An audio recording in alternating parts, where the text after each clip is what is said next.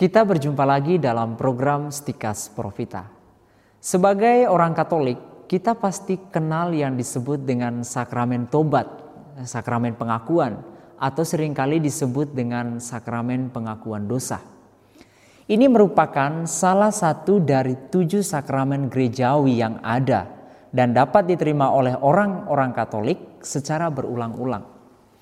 Sakramen pengakuan dosa ini adalah sakramen pendamaian kita sebagai manusia berdosa dengan Allah, Sang Maha Pengampun. Ketika seseorang itu memasuki ruang pengakuan dan dia mengakukan dosa-dosanya dengan penuh kejujuran dan penyesalan, di sana dia menerima pengampunan dari Allah. Jadi dosa-dosanya dihapus dan pelanggaran-pelanggarannya tidak diperhitungkan Tuhan. Tetapi mungkin kita bertanya, kepada siapakah kita dapat mengaku dosa? Jelas di dalam gereja Katolik, pengakuan dosa itu dilangsungkan di hadapan seseorang yang tertabis, seperti paus, para uskup, ataupun para imam. Ya, kita mungkin sering kali mengakukan dosa kita di hadapan seorang imam. Ya, karena biasanya merekalah yang tinggal di paroki sebagai gembala bagi umatnya. Lalu mengapa kita harus mengakui segala dosa-dosa kita kepada seorang imam? Apakah karena para imam itu suci?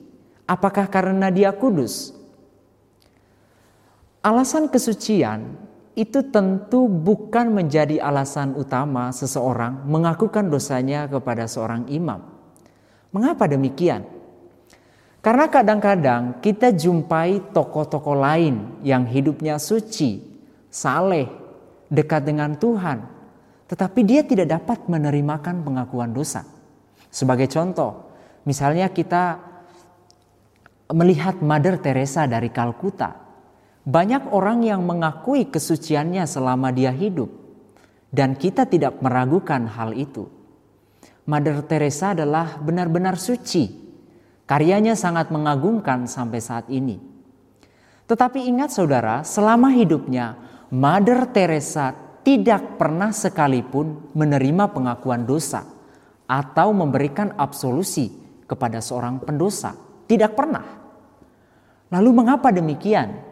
Mengapa hanya para imam yang dapat memberikan absolusi kepada seorang pendosa? Alasannya adalah karena Kristus itu telah mempercayakan pelayanan sakramen pendamaian ini kepada para rasul dan pengganti-penggantinya yaitu para para uskup dan rekan kerja mereka para imam. Jadi para uskup dan para imam itu telah menerima wewenang dari Tuhan dan ini terjadi karena sakramen tabisan yang telah mereka terima. Jadi melalui sakramen ini mereka diberi wewenang untuk mengampuni dosa bukan atas nama mereka sendiri sebagai penerima pengakuan dosa melainkan atas nama Bapa dan Putra dan Roh Kudus. Ini ada dalam Katekismus Gereja Katolik artikel 1461.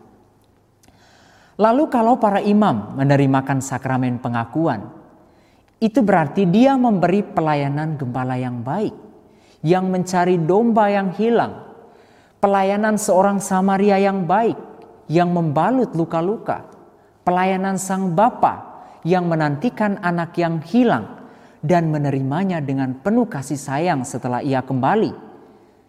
Dia adalah pelayanan hakim yang benar, yang tanpa memandang bulu menjatuhkan keputusan yang sekaligus benar dan rahim. Singkatnya, imam itu adalah tanda dan alat cinta Allah yang penuh belas kasihan kepada orang berdosa.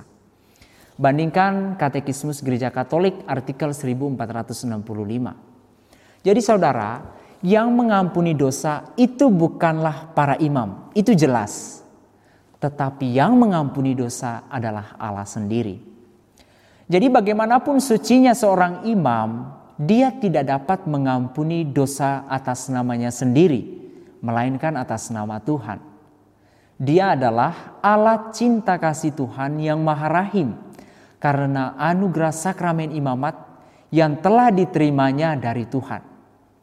Karena itu dikatakan ya dalam Katekismus Gereja Katolik artikel 1466 Bapak pengakuan yaitu imam bukanlah tuan melainkan pelayan pengampunan Allah.